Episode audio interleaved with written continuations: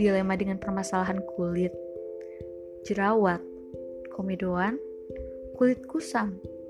Udah coba bermacam-macam skincare tapi tetap aja begitu. Salah skincare.